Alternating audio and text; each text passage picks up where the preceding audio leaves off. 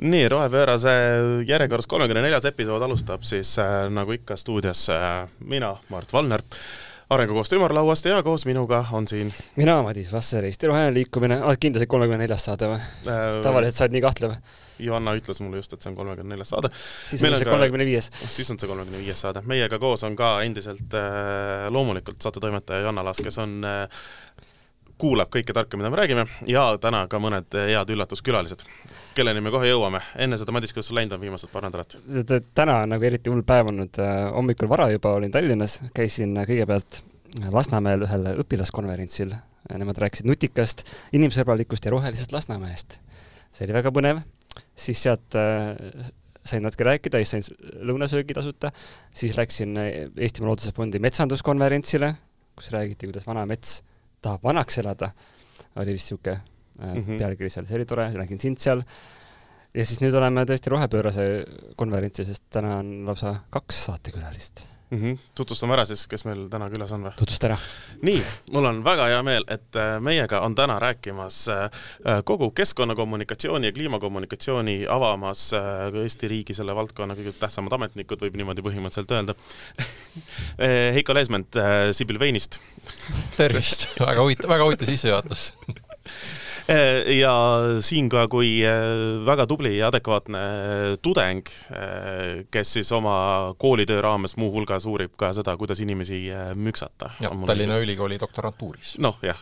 aga mitte kehakultuuri doktorantuuris, vaid mitte kehakultuuri tõesti, et riigi ja poliitika jah, ja muuhulgas siis ka on kohaliku omavalitsuse ametnik ka ikkagi, see osa oli seekord isegi õige. just avaliku viims... sektori kommunikatsiooni teinud siin tegelikult umbes kaksteist, kolmteist aastat. jaa, endine häirekeskus, jaa, enne kui me jõuame siit edasi kohe, ma võin sulle öelda, kui sa tahad rääkida inimesega, kes on äh,, kellega võib rääkida näiteks tasaarengust, sulle meeldib rääkida tasaarengust, ja väga äh, jätkusuutlikust ja keskkonnasõbralikust transpordist, siis Heikoga meie tutvusime käsid režiini peal nii et neid inimesi on väga vähe, kellega võid öelda, et me tutvusime käsid režiinil kui palju üldse satub elus käsid režiini täpselt.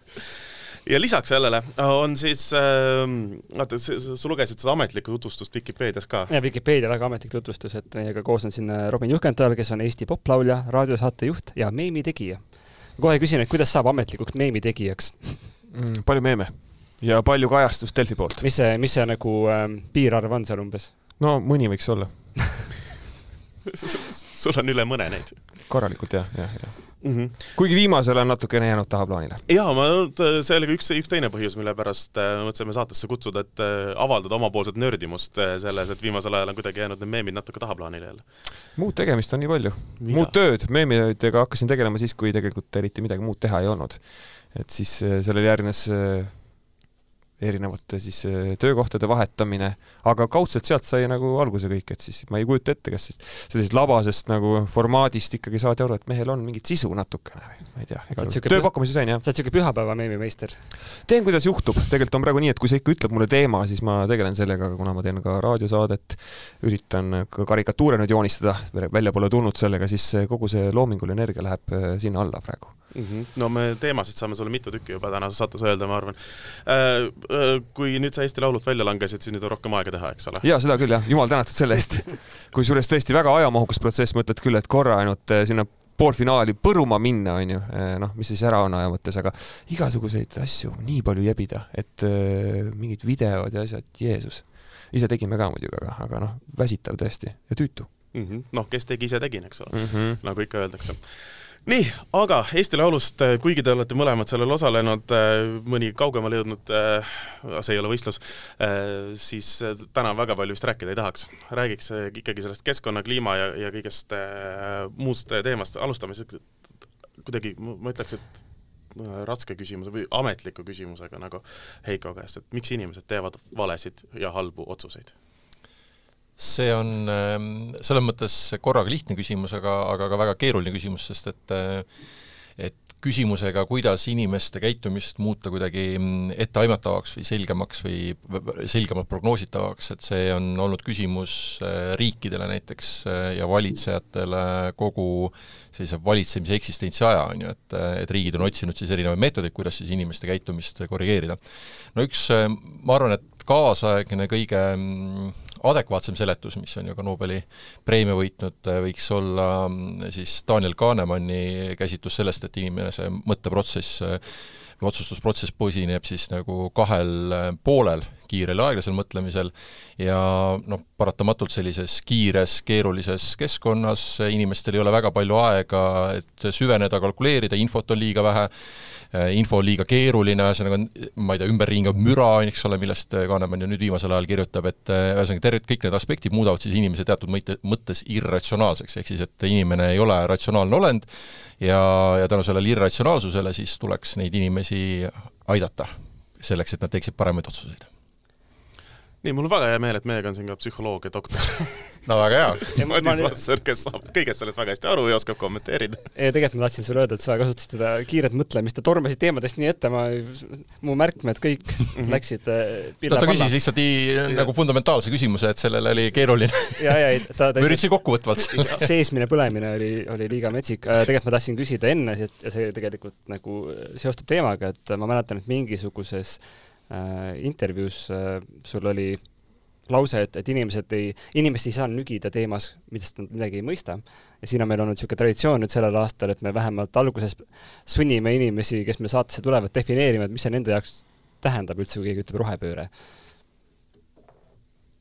mida naljakam vastus, seda parem. see oli siis küsimus? nii no aga nalja pealt on ikkagi, ma arvan, Robinil lihtsalt labane laps suusab nüüd sõna natukene ka, et meil siin kõrgelt haritud mehed kõrval. no ma arvan, et see asi on võib-olla tõesti selles ikkagi, et natukene vale on see meelestatus, et kui ikkagi keegi räuskab sulle how dare you rob me of my childhood, et äh, siis äh, esimene mõte ei ole, et ma tahaks talle lapsepõlve tagasi anda, ma tahaks lihtsalt nagu ära kaotada selle inimesega siis, panna video kinni või, või teha midagi muud, et äh, mis mul oleks võtta võib-olla raamatute lugemisest äh, selline mm, parafraase kliimateemale. et kui me tahame muuta nagu maailma paremaks, siis me peame ikka alustama kuidagi nagu niimoodi, et et me jätame inimesed ilma sellest, äh, mis neile võiks äh, kasulik või mõnus olla. et kui sa satud kellegi juurde ja tal ei ole raamatuid, siis öeldi, et ära siis temaga ühte heida. aga et kui sa satud suhtlema kellegagi, kes sõidab tõesti absurdselt suure autoga, ja ei sorteeri prügi, siis ära temaga ühte heida ja sealt hakkaks asi veerema juba tegelikult ühesõnaga, võim on, äh, võim on siis, ma tahtsin öelda, ei, ma ei ära nüüd hakka ütlema, et, ainult naised ei, mehed, naised mõlemad. ja, ja, ja sina arvad, et rohepööre on ikkagi jah äh,, kohtingustrateegia? jah, just.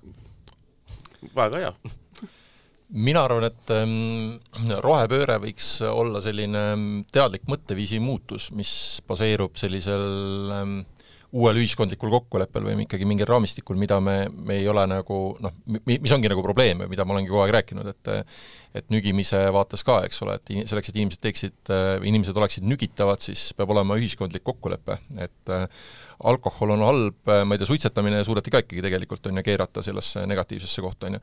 kanepi puhul me näeme seda, et seda kokkulepet ei ole, vaktsineerimise osas seda kokkulepet ei ole, täispäevaga auto sõitmise osas on, see on halb, turvavöö kandmine, et see, selleni jõudsime ka ikka ühiskondlikule kokkuleppele, et see on halb, on ju. kas sellist asja ei ole, et pigem on nagu äh, halb matsu panna täispeaga, sõita on mõnus? no või on, millal see kokkulepe sõlmiti? vaata, millal see turvavöö kokkulepe sõlmiti, et see, eks need ongi sellised ajaprotsessi käigus, onju, et aga noh, üldiselt me näeme ju seda, et ja mina olen nõus muidugi, aga ma just mõtlen, kas see on nagu ma lihtsalt, ma lihtsalt enam ei, ei kohta ise nagu väga palju seda, et keegi peaks kellegi eest võtmeid ära peitma, et isa ära sõida isa sõitis autoga minema või no midagi, mis on nii, noh, mis on need no mul ka ei ole seda, isa matsime ära lihtsalt sellepärast, aga minu arust see just uudis, kuidas kaks inimest ikkagi ilma turvavööta just nagu oma otsa leidsid. kindlasti, ei kindlasti neid, probleeme on kindlasti veel on, aga no lihtsalt, et me räägime, et, et keegi ei, ei tule tänavale hakka võitlema, et kuulge, et ärge keelustage nagu või tehke trahve karmimaks äh, joobes peaga sõitmise eest, on ju, või vaktsineerimise küsimuses nagu tullakse tänavale, on ju. ja no, see... aga samas kunagi noh, võtta turvavöö osas siis ju seesama jutt ikkagi inimõiguste tohutust ja kardinaalsest piiramisest, kui sunnitakse turvavööd autos kandma, see ju üheksakümnendatel, kaheksakümnendatel kaheksakümnendate lõpus. jah, oli täiesti olemas. liiga noor, et sellega liituda. aga ma ka ei mäleta, ma olen raamatuid lugenud. minu, minul on kodus raamatud. seal on üks see kõige efektiivsem nügimismeetod, et ikkagi, et sa võid, võid kas panna või mitte, aga saad trahvi, on ju ilma on parem, jah. oota, aga kas nügimise just, karistamine tegelikult ei ole nagu nügimine. oota, mul, mul see nügimine on ainult kuskil ühe aine ühes loengus, nii et ma pean küsima mm. jätkuküsimusi, et kas selle ma arvasin, et selle point on see, et just nimelt sa nügid inimesi nii, et ta ei saa arugi, mida ta teeb teistmoodi aga ta teeb teistmoodi, et ta ei pea üldse sellest teemast midagi valdama, et ma olen öelnud alati, et et Eestis on see probleem, et inimesed teavad näiteks keskkonnateemast, aga nad ei tegutse üldse et ma tahaks, teistpidi võiks olla, et nad tegutsevad täiesti keskkonnateadlikult, olles samas täiesti teadmatud, et miks nad prügi sorteerivad ja miks nad äh, kuidagi nagu elurikkust hoiavad. no see tähele, vaat see, millele sa tähelepanu suunad, ongi nagu nüüd ähm, see üks aspekt, mida meil tasuks nagu aru saada ümbritsevast maailmast, on ju, et et kõik meie ümber paneb meid teatud moel käituma, see, kuidas asjad on üles ehitatud ja nii edasi, on ju. näiteks mul oli ükskord äh, Pärnus selline olukord, et mul oli hunnik äh, erinevaid vanu värve. ma tahtsin neid ära viia. Te kujutate ette, see ei olnud sel päeval võimalik sest need kohad ei ole avatud see, see no, nagu keskkonnale ohtlike jäätmete loovutamine ei käi ühes kohalikus omavalitsuses nii, et sa lihtsalt lähed ja viid ära ja saad nagu rahulikult ära poole. et kui me küsime, et miks inimesed viivad neid asju metsa alla, siis üks põhjus, mis tasuks nagu mõelda, et kas see loovutamise süsteem on lihtne ja mugav inimesele. kui asjad ei ole lihtsad ja mugavad, siis inimesed ei vali seda. ja see irratsionaalne inimene, kellest me oleme rääkinud, ta teebki neid asju, on ju, ja see on nüüd süüssüsteemi arhitektide, valitsejate ja nagu noh, kõigi küsimus, et tuleb nagu kuidagi noh, peaks nagu mõtlema. aga äkki seal on nagu teistpidine nagu nügimine toimumas, et ma olen ise ka kogenud seda olukorda, kus mul on kastitäis äh, värve ja õlisid ja siis esiteks tõesti pead koguma seda mitu päeva, sest see asi on sa saad teatud koguse seda ainult ära viia. ja just, just, et muidu... sa pead, sa pead kollekt-, sa pead tegema talgut põhimõtteliselt. mõelge laiemalt ikka natuke, neid gruppe, kus saab jagada, värve on erinevaid, kui see oli must ei, need on halvaks läinud, vaata, nendega ei ole, nendega ei ole midagi teha. siiski, siiski, musta värvi sa võiksid ikka kanda näosaatena, saavad blackface'i teha sellega, et ma olen üsna veendunud, et Eestis on Facebooki gruppe pahaks läinud värvid, jagamine ja, ja äraandmine. kindlasti on kõikide asjade aga no ühesõnaga, see, see on, ühesõnaga see kõik on tehtud võimalikult ebamugavaks, kuigi tegelikult see peaks olema asi, mis on kõige lihtsam ja loogilisem, sellepärast et me ju tegelikult ei taha, et see jama satuks keskkonda. ja noh, kui me räägime, on ju, et üks teema, mis mind tohutult häirib, on see, on pakendid kõik räägivad, issand, inimesed ei oska sorteerida, nad ei oskagi sorteerida, aga miks ei ole pakendite peal kirjas, kuhu prügikasti seda panna siis või no sellesse, millisesse konteinerisse, kas see on paberi, kas see on olme, noh, ühesõnaga inimesed ei teegi neil asjadel vahet ja need asjad tulebki for dummies teha ja see ongi nagu peamine probleem, et asjad ei ole tehtud nagu see auk võiks olla teatud kujuga. see on sa juba. saad ainult kas kandilise või ümmarguse. Neid on, aga see ikkagi ei ütle sulle selle konkreetse pakendi kohta, et milline osa sealt, et hõbepaber läheb siia, on ju, siis see osa nagu on taaskasutatavale teise. pakendi lahti ka veel võtma. ja suurde kandilisse läheb ümar ka ikkagi. aga kui sa surud. tasuks nagu ühesõnaga mõelda sellele, sest et muidu noh, me jäämegi siin nagu targutama kõiki, mõtlema, et kuidas me saaksime seda olukorda paremaks teha. aga see ei lähe paremaks senikaua, kuni päriselt me ei tee inimestele neid asju lihtsamaks ja mugavamaks see on väga õige, mina, ma selle mugavuse osas, mul tuli endale just mõelda äh,, ma siin eelmise nädala lõpus, kuna noh, nüüd see on see aeg, viisin jõulukuuse ära lõpuks sul oli jõulukuus ka? keskkonnasõbrana mul oli jõulukuus ka eelmise nädala lõpuni. Äh, kohalikku siis jäätmejaama, mis on äh, see, et noh, lähed, sõidad värava taha ja helistad ja teed, värav läheb lahti ja siis lähed viskad oma asjad sisse ja sõidad autoga välja jälle, eks ole aga ka see jäätmejaam, kus ei ole ühtegi inimest ja mille sa helistad väravaga lahti, on avatud mingil X ajal, kolm päeva nädalas kinni, kuigi seal ei ole mitte kedagi ja sa sõidad autoga värava ja, taha ja helistad selle lahti, eks. ja ongi, ja mõni väiksem vastutustundega inimene lähebki selle kuusega sinna kõrvale, viskab ja viib, viib kuusemetsa, kohutab, viib selle kuusemetsa alla, eks ole. ja midagi veel, on ju no, äh, aga kui kogu see nügimine, Robin, sina enne ütlesid ka, et äh, andke teema ja ma võin neid meeme teha, eks ole. kas, äh, kas oled ka teinud tõesti, noh, keskmine inimene vaatab äh, sinu kontot äh,, naerab lihtsalt, op, see on naljakas, see on naljakas, see ei ole naljakas, noh, kuidas võtta, eks ole äh,. kas sa oled ka teinud selle mõttega, et nagu tahaks midagi kuskil muuta, et sul ongi kuskil see ta, taga, taga see, et ma nüüd nügin teid või on keegi tellinud sult selle kampaania näiteks, et kuule, et äkki sa viitsid nagu nügida neid natuke? ei, ma arvan, et kõik, mis ma teen, on ikkagi kaudselt selleks, et maailmas oleks äh, parem elada, et mõnikord võib-olla äh, tundub, et ei ole, aga ega ma seal mingi lihtsalt kurjusest või vihast kellelegi ära ei pane, et ma arvan, et ikkagi südame järgi olen üritanud orienteeruda maailmas alati, aga teadlikult ma roheteemadele võib-olla rõhku väga palju pole pannud. aga mingis muus teemas, sotsiaalses teemas? nojah, selles mõttes, et mingite inimõiguste eest seisnud või äh, kui minu jaoks on mõne partei poliitiline platvorm nagu täiesti vastuvõetamatu või riivab nagu põhiõigusi, siis ma olen selle eest seisnud ja olen sellest saanud ka vitsa kommentaariumites, aga, aga ma ei kahetse. aga oled sa saanud ka kiita või kas, kas sulle endale tundub, et selline noh, meemindus, võtame, jätame kõrvale kes see Eestis kiidab, kuule, vitsa ikka saadakse. kui ei saa vitsa, on hästi siis oled hästi teinud. just, just. okei okay. ega noh, teadusliku poole pealt, kas sellise meemindusega kas me saame nügida inimesi, suurt gruppi kindlasti ka? võikski rääkida, mulle tundubki, et üks asi, me oleme siin sõna nügimine nii palju kasutanud, aga kordagi ei ole keegi vaevunud defineerima, millest me räägime.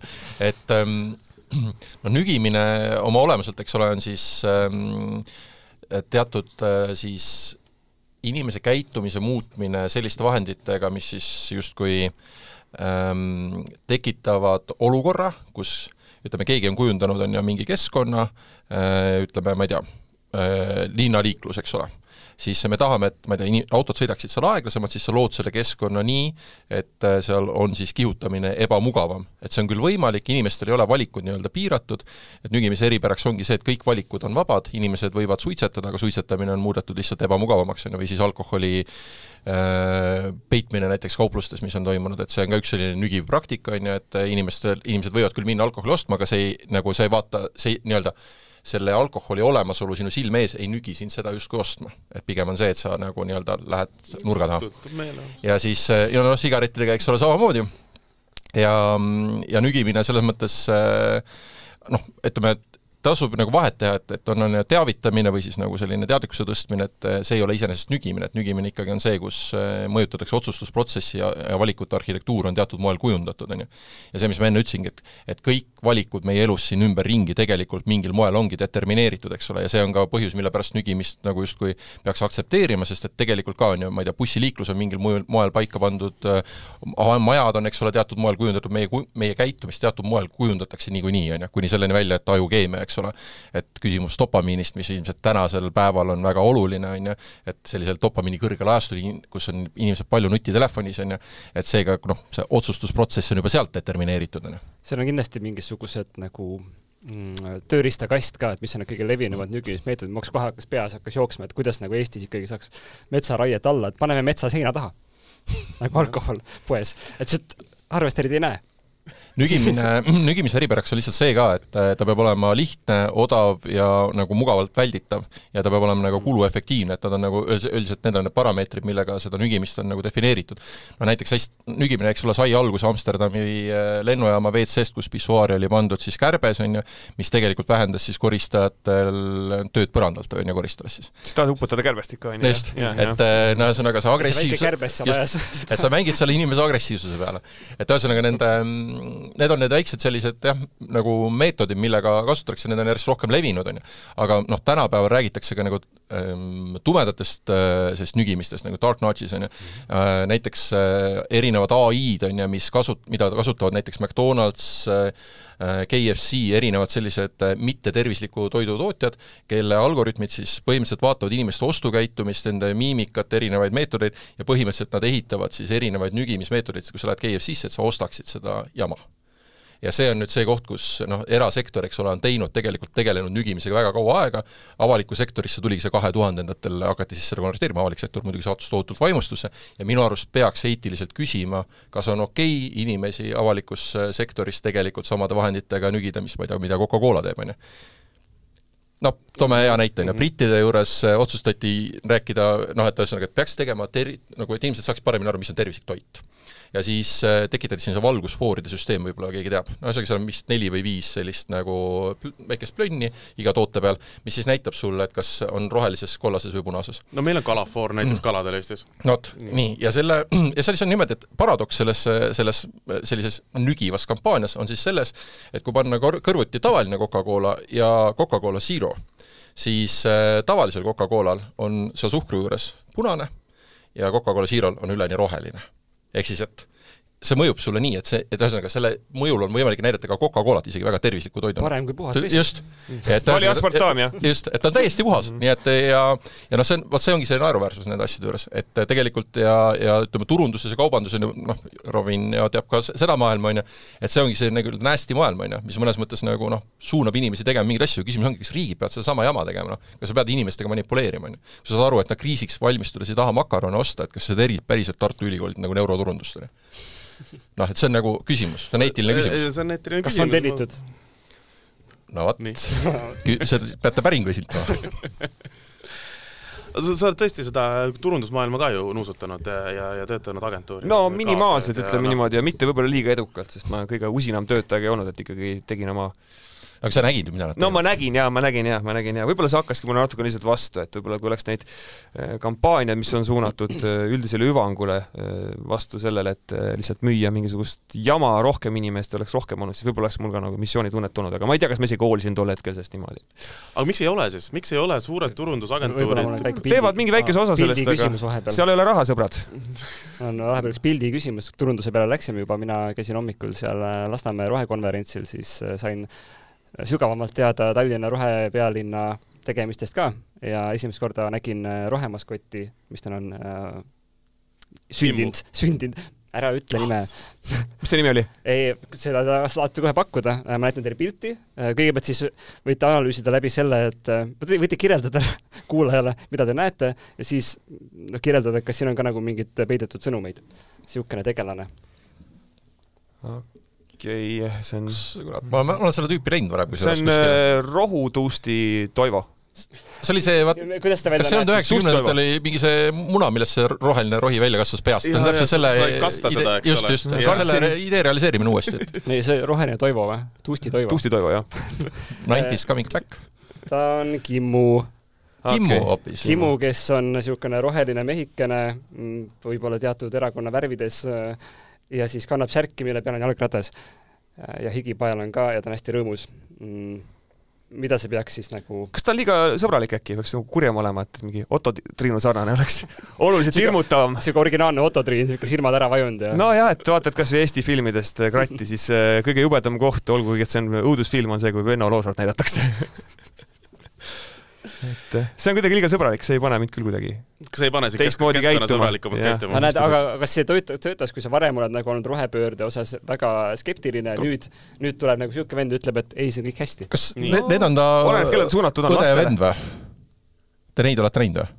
siin, nüüd me vaatame teist pilti, kus on äh, häirekeskus. Need on täpselt, need on häirekeskuse lastenurga tegelased, mis ja kus ja mina ütlesin, nad on nagu, nagu kui sa vaatad, need on vähemalt sugulased, sugulased on kindlasti no mitte lähedalt, aga siiski jah ja.. kas Eesti aval-, avalikul sektoril on üks ja ainus äh, reklaamiagentuur ja disainiagentuur, keda kasutada? Kim on rohkem käinud seda kiirtoitu söömas.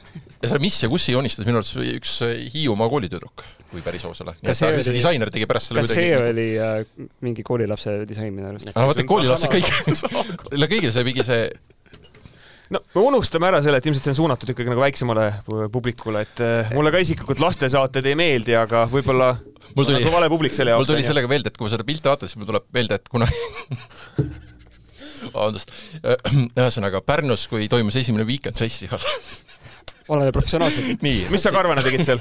ei, siis seal oli, seal oli selline olukord, et äh, ühesõnaga oli üks pahandus ja siis otsiti äh, meesterahvast, kellel oli ananassi soeng ja siis, kui ma seda vaatan, siis see ananassi soeng on ju, vist ongi enam-vähem midagi sellist vist või? see võiks olla ananassi soeng ju. kas ananassi soeng on see, kui küljed on paljad? ei no see on vist see, et kui sa ikkagi üleval on ananass. tuust. Nagu all, all on krobeline natuke just jah, ka ananass on väga keskkonnasõbralik toode kas on ikka või? Eh, kui ta on kohapeal mahe. kui ta on Eestis kasvatatud, öeldakse, et jah, et ikkagi kui sa kaugelt tood neid asju, siis sa ei pidanud nagu olema väga keskkonnasõbralik. aga kui sa oled kohapeal ja sööd, siis, äh, siis kindlasti on väga, kui sa põhimõtteliselt aga kui see on kohapeal tehtud äh, kasvuhoones, mis on tohutult köetud, siis jällegi ei ole, ühesõnaga sa ei saa kunagi võita. see on hea, hea, hea motivatsioon siin aga rääkides ikkagi äh, kogu sellest keskkonna nügimisest, äh, kui rohepealinnal on Kimmu ja, ja, ja muud logod, kelle üle aeg-ajalt naerda ja no rohepealinna üleüldse on äh, isegi meil on ka Instagrami kontod Rohepesu pealinn näiteks, kes teeb meeme, meil on ka muidugi kliimameemide kliimavalitsus. nägid sa... seda meemi, kus küsiti Kõlvarti käest, et kas, ta ise küsis, küsis, esitas retoorilise küsimuse ja siis vastas sellele? et kas me väärime seda ja. rohelise pealinna tiitlit? Ei, ei.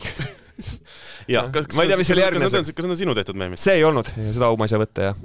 aga kas üleüldiselt äh, mõne veel varikonto all kliimameeme teed sa juhuslikult või...? no ma olen isegi erakondadel teinud meeme. et äh, vahepeal tuleb ette, jah väga hea. ja mingisugused meemega, mida ma ei julge jagada, olen jaganud, mis on võib-olla natuke liiga toored, aga noh, te ei saa kunagi neid teada. kõik need varikontod, mille alt Eesti meemimaastik on Need ringlevad võib-olla ikka käest kätte pigem. põhimõtteliselt, ma mõtlengi, et põhimõtteliselt kuskil nurga taga prinditud välja niimoodi pilt see, kui ma olin kunagi Kaitseväes, siis mu äh, tollane elukaaslane printis mulle veebikoomikseid välja ja tõi, siis neid nutitelefone ka asju ei olnud ja siis ma sain nagu lugeda kord kuus veebikoomikseid, mis kord päevas ilmusid. ma arvan, ju sa mõne nurjatu pildi ikka said seal ka vahepeal aga jõudes tagasi sinna, miks me siis, kuidas või mida me tegema peame, mida, missuguse meemi peab tegema Robin või missuguse saate peame tegema meie või mida peab tegema riik, et kui me räägime rohepöördest, ei oleks inimese keskmine reaktsioon, see on mingisugune euro, eurojama ja sellega me ei taha teha ja mille pärast me maksame liiga palju elektri eest. vaid et me räägime ikkagi sellest, et maailm võiks nagu paremaks muutuda no ma arvan, et üks probleem, mis, mis nagu kindlasti lahendamist vajab, on, on müra probleem selle ümber. ehk siis, et inimestel tegelikult ei ole võimalik aru saada, et mis teema, mis probleem see on, milline ulatus sellel on, milline minu roll selles on, mis see mõju on, et see info kõik on nagu vastukäiv ja, ja puudub ka selline nagu ühiskondlik selge suundumus ja ka poliitiline selge suundumus, eks ole, et mingid elektrijaamad pannakse kinni, pannakse uuesti käima, ehitame tuulikuid, ei ehita tuulikuid, elektridefitsiit on, ei ole, nagu noh, et ühesõnaga, et põlevkivi hea, halb on ja noh, ühesõnaga, et kõik see asi ei saa olla nii hüplik, sest et see tegelikult mõjutab ka seda avalikku arvamust, on ju. ja noh, eraettevõtjad ja, ja riik peaksid ka siin nagu kuidagi ühte keelt rääkima, minu hinnang. ma hakkan kaugemalt pihta. mulle sattus selline loeng ette või selline esinemine, avalik esinemine, kus Meelis Lao käis seal äh, Hendrik Aguri gümnaasiumis rääkimas, et äh, noh, kunagi see maffia värk, vaata noh, et üheksakümnendatel, noh, see oli siis noh, samamoodi nagu kuulid noored tegid, vaata, nagu praegu tehakse seda startup'i, vaata, et noh, see noh, tead, et räägime nagu mustavalgeks ja vastupidi ja, ja noh, see on demagoogia, on ju, aga mis see point äh, võis seal olla, oli see, et rohepööre peab olema cool see on nagu lahe, et kunagi oli eh, see tüüp, kes hästi õppis, oli Nohik või Tolgus. see sai siis tati kuulidega, aga siis praegu on nagu noored saanud aru, et õppida on lahe, tark olla on lahe. kui me sellise pöörde tegime ära, siis mis see rohepööre veel teha on? Okay. aga teie räägin... muidugi pakkumised nüüd siia, miks ja kuidas? ei, ma juba pikka aega räägin, et kastiratas on kõige ägedam asi, mida üldse omada, noh, sa saad kõik oma sõbrad võtta kasti, noh sõita rattaga. kasti lüüa kasti lüüa. nagu üheksakümnendatel vaata, kuulid tüübid ja, ja. sul on ka vaja, et Meelis Lau käib ringi, räägib, vaadake kastiratas, poisid. oleks meil olnud omal ajal kastiratas. vaat seal, seal ongi küsimus ju selles, et, ähm, et see rohepööre või roheline mõtteviis ei saa olla nagu luksuskaup, on ju, aga vaata, ta nagu natukene on ja ma arvan, et see, kui nagu keskkonnasäästlik, säästlikkus ei ole kõigile taskukohane et siis see nagu tegelikult on ju, tekitabki probleemi, no näiteks on ju, ma olen umbes viimased viis aastat äh, ostnud teadlikult miinus viiekümnega toidukaupasid. ja see algas sellega, et ma kunagi ähm, jätsin suitsetamise maha ja siis äh, hakkasid sööma? hakkasin, nügiti välja sind sellest? sain aru, et ma pean palju liikuma hakkama. et aga, ja siis ma hakkasin kõndima ja siis nagu palju huvitavam tundus niimoodi, et ma hakkasin, läksin esimesse poodi ja siis vaatasin, et siin on mingid asjad miinus viiekümnega, siis niimoodi, kui ma olin nagu neid sinna tee peale mitu tükki ja siis ma vaatasin, et ma kõnningi päris palju, siis ma käisingi, jalutasin neid läbi, siis ostsin nagu erinevaid tooteid, aga lihtsalt mis, mis nagu mure on selles, on see, et äh, ma näen, et tegelikult väga paljud inimesed nagu noh, et see on nagu häbiasi, kui sa neid nagu noh, et osad inimesed, see on nagu stigmatiseeritud, on ju, eestlastel on ikkagi see, et vaata, nad tahavad, et see ka põhjus, miks need uhked autod on ju, kõik nagu noh, ka, ka isegi see kiirmood on ju, mis tegelikult saastab väga palju, on ju. kuldkettidega sinna miinus viiskümmend leti juurde ja võtad mingi yeah. no vot, et see just, et see peabki olema kõigile nagu normaalne, see peab olema nagu tavaline normaalsus ja see ongi see, et, et see toit ei tohiks olla stigmatiseerituna kuskil nurgas, vaid see peaks olema teiste kaupade keskel Mm -hmm. nagu selles mõttes, et see ongi see, et normaalne, mitte et ma ei otsi seda viimast piimapakki seal, vaata, millel on see kõige kaugem kuupäev, on ju, vaid ma nagu olen nõus ka selle nagu varasema võtma, sest et poed ju tegelikult nügivadki sind nagu ostma neid kaupasid eest ära, on ju. et ei peaks ära viskama. aga noh, samas on ju, tundes mõndasid inimesi, kes on äh, tegelenud, on ju, nüüd äh, prügikastidest toidu otsimisega, on ju, noh nagu teadlikult, on ju, siis väga suur mure on see, et see toit keeratakse segamini, lõhutakse ära kaupluste poolt. ehk siis, et seda ei tooda ka sealt nagu ringlusesse, on mingid inimesed, kes nagu seda päästavad, on ju, ja tegelevad sellega. aga, aga selle vastu võideldakse, kuni selleni, et mul oli kunagi ühikest äh, toanaaber äh, äh, ka filosoof Mats Volberg, kes, kes ähm, töötas turvamehena. Ja siis tal oli sobing nagu Selveris, no et ühesõnaga nagu müüjatega, muidu neil oli kohustus need ära visata ja siis ühesõnaga ta siis nagu aitas neil need ja siis ta tõi ka meile neid asju. turvamees saab tursk olema ka? no Mats ei ole, on ju, ta on ikka kleinuka, aga no lihtsalt, aga ta tõi ikkagi nagu päris väärtuslikku kraami ja see noh, selles mõttes, et nii see ongi noh, et tegelikult see toit enamasti ei ole halvaks läinud ja noh, seal on üks nügiv positiivne element veel, on ju, et see, su menüü ei ole kunagi determineeritud, vaid see nagu tekib poes. see on äh, jah, see on äh, selline see peab vaevama ennast. see on selline dieet nagu äh, Freegan, kus sa saad tasuta asju. äkki me peaksime siis tegema vastupidi poodides, et äh, mida, toit, mida vara, mida varasemaks läheb nii-öelda säilimiskuupäevale, et seda kallimaks läheb kogu aeg et mida, mida vähem aega ta säilib, et seda kallimaks, et alguses saad poole hinnaga. ja siis ületarbimist ju ei teki, onju, inimene ei hakka endale ostma. Võtame seda viina natuke rohkem või no,, või avokaadot. minu arust see oli ka äge, näiteks oli Pärnus, kui mäletad, Selverisse toodi esimest korda näiteks taimne toit, siis see enamasti läks kõik halvaks.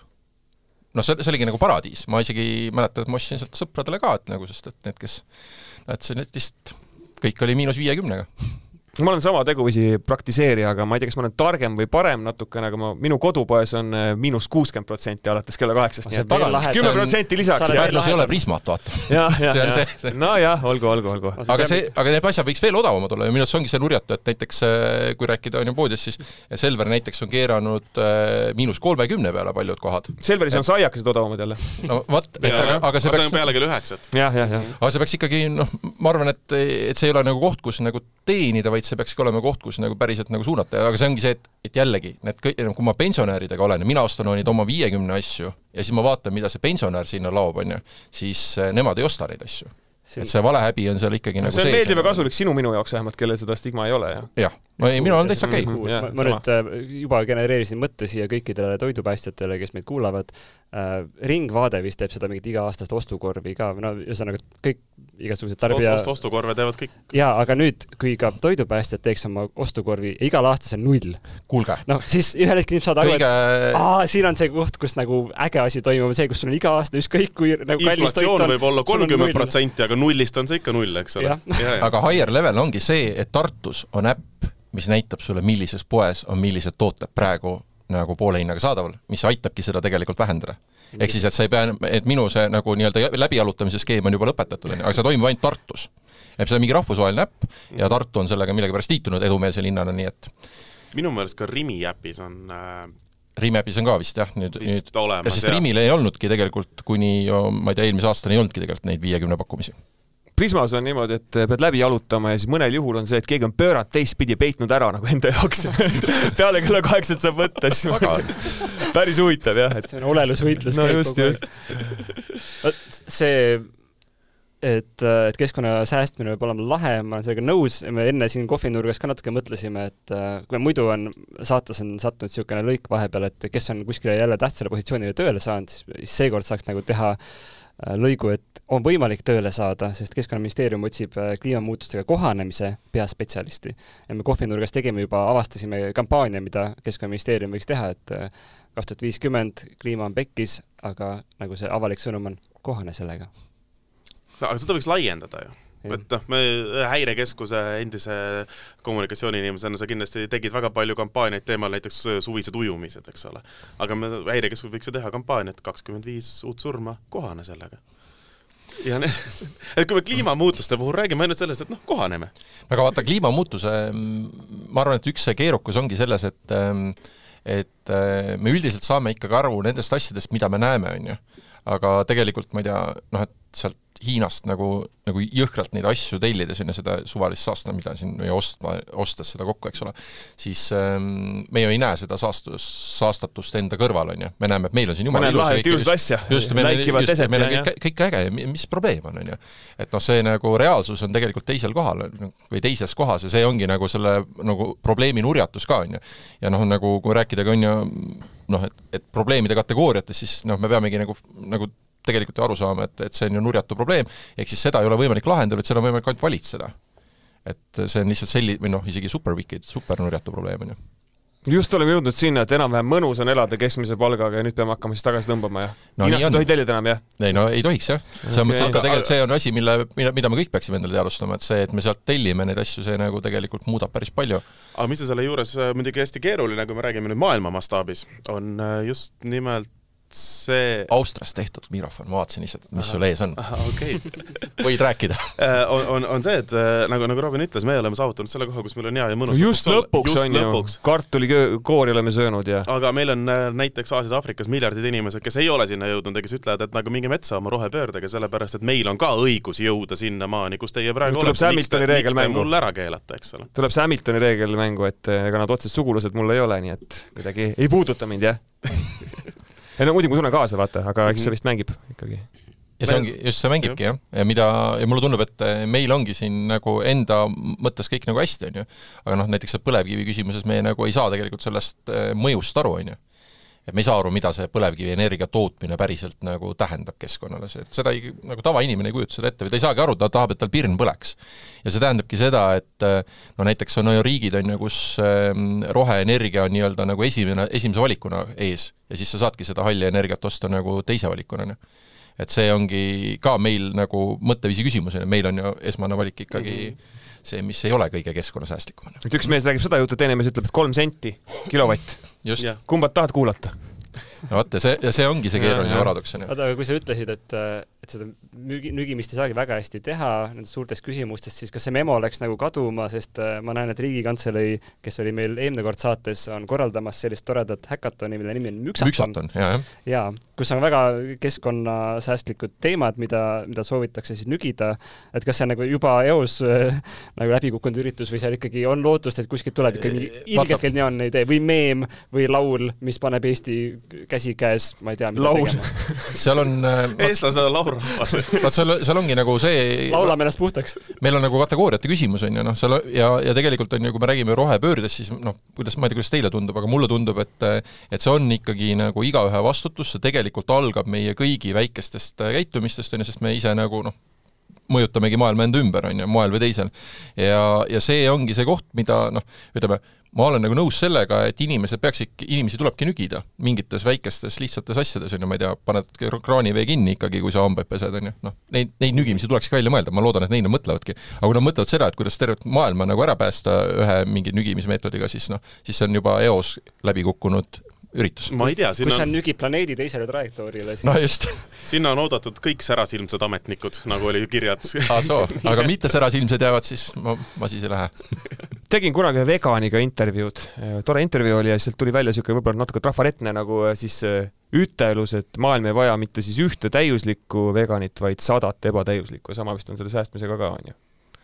Ma ei tea, ma arvan, et see lihtsalt kõik on Ja. nagu et kui sa lähed üksi metsa elama, siis sellest on vähe abi, kui sada inimest äh, ei ei, osta endale ei osta endale kolm kuud uusi pükse, siis nad saavad hakkama tegelikult ju. nojah, mõnel on muidugi pükse vaja, et olla jah, võimas jah. no ma arvan, et iga asi, mida me nagu teeme selleks, et, et oleks parem, see on nagu hea ja tervitatav ja seda peakski nagu tegema nagu selles mõttes, et ja ma arvan, et ähm, et see on ka üks, üks asi, vaata, mis sellise dopamiini rohkel ajastul on ju, et me ikkagi tahame eesmärke, on ju, me ei naudi nagu protsessis olemist, et minu arvates nagu see, et naudimegi seda protsessis olemist ja pööramist roheluse poole. kas sellest saab nagu ennast pilve ka, kui sa ikka väga palju säästad või? ja Sihuke see, mõnus see tunne. enesetunne, see on see eh, karma offsetting, mida me ka enne arut- arutasime, et eh, et kui sa teed midagi väga head, et siis sa võid pärast teha mingisuguse rõveduse ka. Aga et see Aa, nagu okei. nagu sa, nulli, sa lõpuks on nullis. et sa, et sa oled nagu selles nullis nagu noh, me, me tahame Euroopas olla nullis lõpuks, eks ole. see ei tähenda, et me ei heida, aga me teeme nagu midagi head ka. rohkem inimesi ikkagi saada sõltuvusse sellest, et äh, Jaa. säästa ja mõelda siis säästvale arengule. Ja, ja see kui on, kui, kui äh, pak-, pakendi nagu äraviimise protsessis keegi annab sulle dopamiini laksu sealt vastu, no ma arvan, et äh, ma arvan, et rohepööre ongi siis õnnestunud, kui see esimene meem tehakse ikkagi sellest, kes nagu siis ei säästa enam või ei ole nagu keskkonnasäästlik, on ju, või ei mõtle nagu nii. Et praegu me ju teeme ikkagi noh, moel või teisel ikkagi tehakse, ena-, enamasti tehakse nalja nende kulul, kes nagu teevad neid asju, on ju, on liiga radikaalsed just. või üleüldse, üldse, üleüldse võib-olla sul on selles suhtes õigus, et pööratakse tähelepanu neile, kes tegelevad nii-öelda pöördega, selle asemel, et pöörata tähelepanu neile, kes noh, Ei ole tegele, eks ole, no see ei ole, see ei ole pööre või noh, see peaks olema ju elu, elu normaalsus, me ei räägi, me ei peaks üldse rääkima sellistel teemadel, selleks lihtsalt me peaksime tegema saate, et noh, et eh, noh, mingisugused viimased hullud on veel, kes nagu tahavad äh, rämedalt seda põlevkivi endale ahju ajada, eks ole. head jobud. jah, mitte selles, et huvitav, kas me teeme üle viieteist aasta uue tuulepargi või ei tee.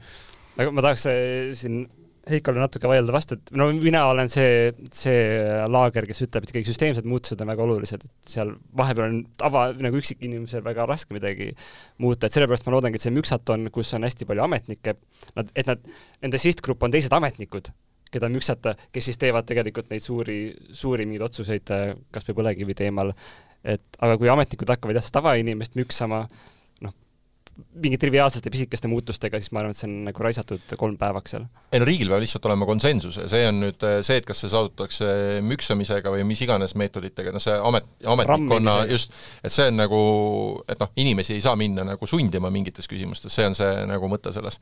aga, aga küll aga ametlike poliitikate küsimus on ju, ja see, selle nagu hoiaku kujundamine, see riigis peaks nagu noh, kuidagi peaks mingi selgroog tekkima, mulle tundub, et meil täna ongi nagu see probleem, et seda ühiskondlikku kokkulepet pole, selgroogu ka pole ja nagu ongi niisugune natukene noh, ja siis lõpuks taandub mingi poliitiliseks nagu mingiks jamaks. ja nüüd ütlete, et pükse ei tohi ka veel osta, on ju? no just. siis on, mis mees see on siis, kelle poole selga Jaak, ma ei kandideeri kuskile. just, just. aga kus see algab või see võiks alata? Äh, vot see on hea küsimus. et mulle tundub, et see peaks algama tahtest no, ennekõike. täna me oleme mingis huvitavas vaakumis teatud teemades, et tulime just sealt metsakonverentsilt, kus äh, Keskkonnaministeeriumi ametnik tegi ettekande, kus ütles, et siin on meie eesmärgid ja täna me absoluutselt ei saavuta neid mm. -hmm. aitäh! aga vaata, aga ettekanne ära nagu aga metsa küsimus on ju sama keeruline küsimus äh, nagu vaktsineerimine ja kõike muud, et no, no kas raiutakse siis õigesti või ei raiuta, on ju, kas see on nagu, on see tasakaalus, ei ole, need on neli, see on sellised küsimused, millele nagu tegelikult tavainimese mõistus ei jõua nagu järele, on ju, ja noh, siis on osad need, kes nagu jõuavad järele sellele nii-öelda mingile radikaalsele positsioonile ja siis nagu võtavad selle ja siis noh, lõpuks see ka devalveerib nende metsakaitsjate nagu justkui olemust ka, eks ole, sest nad muutuvad mingil hetkel nagu noh, mingis kontekstis nagu naeruväärseks, on ju, need, kes seovad ennast puu külge või jooksevad remmelga otsa. aga, aga näed, ma jälle ütlen, et me vaatame asja teise külje pealt äh,. Ma ütleks, et need metsa mahavõtjate osa peaks olema naeruväärne positsioon, kes tahavad mingisugust kolmeteist miljonit tihumeetrit, eks ole, no, naeruväärne.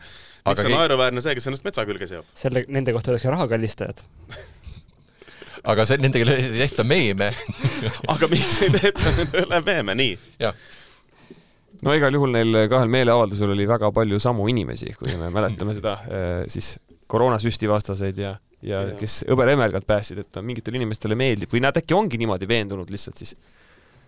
no vot ei tea. ei no radikaalsed suunad on muidugi igal pool äh, selles suhtes põhjusega radikaalsed suunad, et äh, reegli, no, aga see ongi, aga see on üks asi, mille eest seda nagu rohelist mõtteviisi tuleks nagu kaitsta, et see ei ole mitte nagu üks radikaalne suund, vaid see nagu on päriselt mingi nagu normaalsus. No sihuke et ei tarbi üle ja nagu mm. -hmm. oled, kuidagi mõtled selle peale. Saate... kümme lollakat tegelikult teeb nagu karuteene sellele, et no, ülejäänud inimesed ei taha sinna joonduda või samale pildile jääda no just, sest et vaata, see lähebki sellise ekstreemveganluse, on ju, nagu kõige selle, no varem see karusloomavastasuse kõige, noh, kõikide nende asjadega läheb nagu ühte patta natukene või ma ei noh, mulle tundub, et kohati ka seda kommunikatsiooni mõttes ilmselt mõned korporatsioonid ka teadlikult liigutavad samasse patta, on ju, et sa naeruvääristad nad ära, tühistad nad ära ja siis nagu tegelikult on võimalik neid huve nagu realiseerida, sest et noh, olgem ausad, papp ikkagi liigub, on ju, seal maailmas pigem, on ju. aga naeruvääristamiseks, nende naeruvääristamiseks väga palju vaeva tegelikult nägema ei pea, kui me räägime mingitest klišeenäidetest. jah, sest paraku on, nii on. nii on mm. -hmm aga on ka ju tegelikult täitsa ratsionaalseid ja normaalseid tüüpe, aga nende puhul on see, et nad ei jõua nagu kuskile, on ju et nagu noh, meedias ikkagi Nad jõuavad äh, meedia, meedias löövad lained ikkagi need, kes nagu noh, keda saabki naeruvääristada või kes nagu tekitavad seda edasikajastust, on ju jah, need normaalsed tüübid on metsakonverentsil, kus neid kuulab, eks ole, kakssada ametnikku või siis istuvad siin, eks ole, täpselt. Need, need, ette, need ettekanded täna, need olid nagu osad need olid ikka no ikka noh, väga süvateaduslikud, et sealt ei saanud isegi nagu, no isegi me kahe peale ei suutnud nalja teha, sest et nad olid ikka nii, nii, nii kuivad. ja aga see on see, see on see respektaabel äh, keskkonnakaitse, et see on, ja see on ka see häda olnud kliimamuutustega, et seda kommunikatsiooni on tehtud noh, võimalikult igaval moel no. eelmised kolmkümmend aastat. vot see on see, et äh, kunagi olin ühel äh, liiklusohutuse äh, või noh, ühesõnaga liiklusohutuse konverentsil ja seal äh, pidas ettekannet äh, mees, kes selles mõttes, et äh, teadlane, kes rääkis nagu selles mõttes väga ägedalt ja ütles, et äh, et selle asemel, et mõelda, et kogu aeg, et umbes, et ma ei tea, et inim-, mida inimesed kõik valesti teevad, kas keegi on üldse mõelnud, et enamik liikluslahendusi meie ümber paikneb, pärineb mingi seitsmekümnendatest? ja siis äh, ma vaatasin kohe, on ju, riigiametnikus, kõik kuradi ajab mingit jama nagu noh, ühesõnaga, sest see on ju räige investeering, on ju. rootslased selle, selle nagu kunagi tegidki ära, et äh, said aru, et keskkonnas on probleem, et valed otsused tulevad ikkagi sellest nagu noh, sellest struktuurist, kus äh, toimija on, on ju. ja, ja see on üks asi, mis mulle tundub ka, et noh, me, meil tasuks nagu mõelda, et mis see keskkond on, on ju, kuhu suunas äh, keskkond meid päriselt, no milliseid autosid nügib, on ju, ostma, milliseid, ma ei tea, tooteid ostma, on ju, noh, see ongi, et kui kiirmood on odav, ja enamus inimesi, ja meil on väga palju, on ju, inimesi, kes, kes põhjendatult võib-olla ei saagi kallimaid rõivaid endale osta, ei saagi lubada endale siin väga tuntud moebrändi seda taaskasutusrõivast, on ju, aga noh, see nagu olukord viibki paratamatult teise kohta ju kuigi siin äh, tekib äh, see Ter-, Terry Pratchetti Samuel Wimesi teooria, eks ole, et äh, kui sa oled piisavalt rikas, siis ostad endale kallid saapad ja kannad neid kakskümmend aastat ja sul on jalad kuivad, kui sa oled vaene, siis ostad odavad saapad, iga aasta uued ja sul on ikka jalad märjad no ja maksavad palju rohkem. aga see ongi üks asi, mida ka, üks teadlikkus, mida ju tegelikult ei tõsteta inimeste seas, on ju. Et noh, nagu me tulemegi sellest Nõukogude Liidu ajast, kus nagu noh, minu arust me ikka vaatame veel neid asju vaimustusega ja ostame see Hiina vidin ära, on ju jah, sest uut vahvlirauda on ikkagi no just, ja, ja jumala äge on ju, kui sa saad, saad talvesaapad endale, ma ei tea, mis need maksavad, üheksateist eurot seal mõnes kiino-, brändi poes vist on ju, ma ei või see tükeldaja, mis teeb kurgile erinevad siis äh, free shipping, free shipping. mõtle, kui lahe. jaa, ja saad tellida. TV-shopi see pood minu arvates on ikka veel alles ju.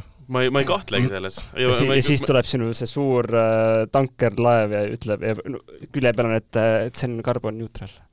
kuidagi statistiliselt.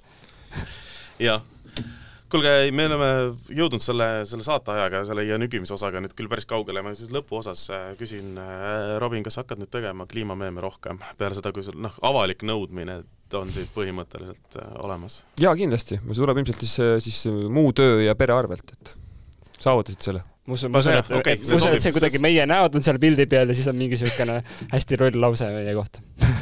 Sest see on ju kõige lihtsam target on ju need, need radikaalid siin raadios, kes karjuvad no ma võtan selle teemaks jah, ma vaatan, kuidas sellega on, et. ei noh, aga kõik teised saavad ka tellimuse sisse anda põhimõtteliselt, kellel on, et äh, see on siis see koht saab arvega ka ja pole hullu midagi. see võiks olla see, see normaalne tüüp ju, kes, kes seda roha, rohepööret siis propageerib. jah, et ma just ütlen ka vastastele, eks ole, et kui nagu mõlemad pooled maksavad, siis sa võid lihtsalt jätkata mitte millegi tegemist. absoluutselt see on ju kõige parem osa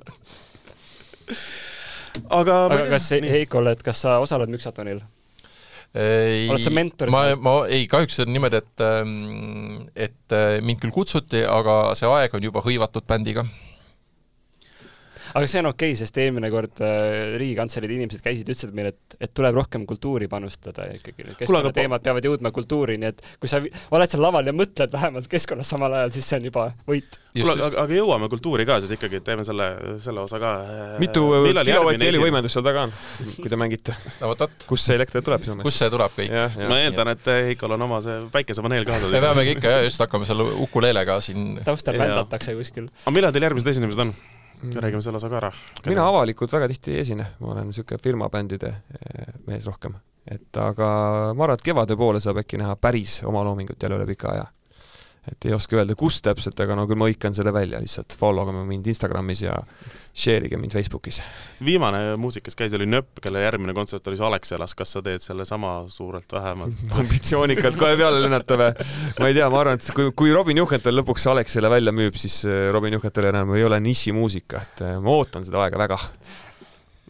Heiko, millal Sibyl Vein järgmine mm,? Seal on erinevaid äh, väiksemaid, aga üks ägedamaid, mis me just äh, eile välja hõikasime, on esimesel aprillil on, äh, on Pärnu levimuusikapäev, kus siis tegelikult tehakse mm, läbilõige Pärnu muusikast, eks ole, siis kogu selle aja jooksul, nii et ansambel Keeris ja ühesõnaga selliseid pärle on seal küll. nii et orkestriga koos tulevad need laulude esitamisele siis meiega, nii et no väga äge. saab olema äge, ühesõnaga, kellel on võimalus, siis saab osta pileti ja tulla, ei ole kallis. no esimene aprill siis Pärnusse ja kes näeb firma see on nali ikkagi või? esimene aprill või? ma arvan küll. see ei ole nali okay. on Pärnu päev ja kes näeb Robinit firma peal, eks ole, siis võib alati tulla kliimateemal mölisema lihtsalt või ütlema, rääkima. ja viiekümne euro eest saab soovikat ka ma, ma siia lõppu dateerin ära, mis me alguses alguses teeme, et esimene veebruar kaks tuhat kakskümmend kolm on see salvestus tehtud. et ja. siis muidu meil on, mõnikord juhtub nii, et me teeme hullu nalja ja siis äh, eetrisse läheb saade alles siis, kui see nali on juba väga hapuks läinud. jah, näiteks on, minister on lahti lastud vahepeal või midagi, kelle ei ole nalja sai tehtud, sest äh, või noh kõik need muud teemad, aga äkki rohepööre vahepeal ära tehtud, kui saade juba eetrisse läheb, nii et jah, mis loodetavasti on ülehomme. rohepöörasega siis tänaseks lõpetame. Heiko, Robin, aitäh täna tulemast! Väga äge oli teiega rääkida, kui kuulajad veel tahavad kedagi toredat meile saatesse kutsuda või soovitada või teemasid soovitada, siis äh, alati on võimalik kirjutada joanna.laastet.delfi.ee kõikide muude kommentaaride, ettepanekute ja ja kõige, kõige muuga. aga ma arvan, et äh, aitab siis tänaseks. jah, nügimiseni.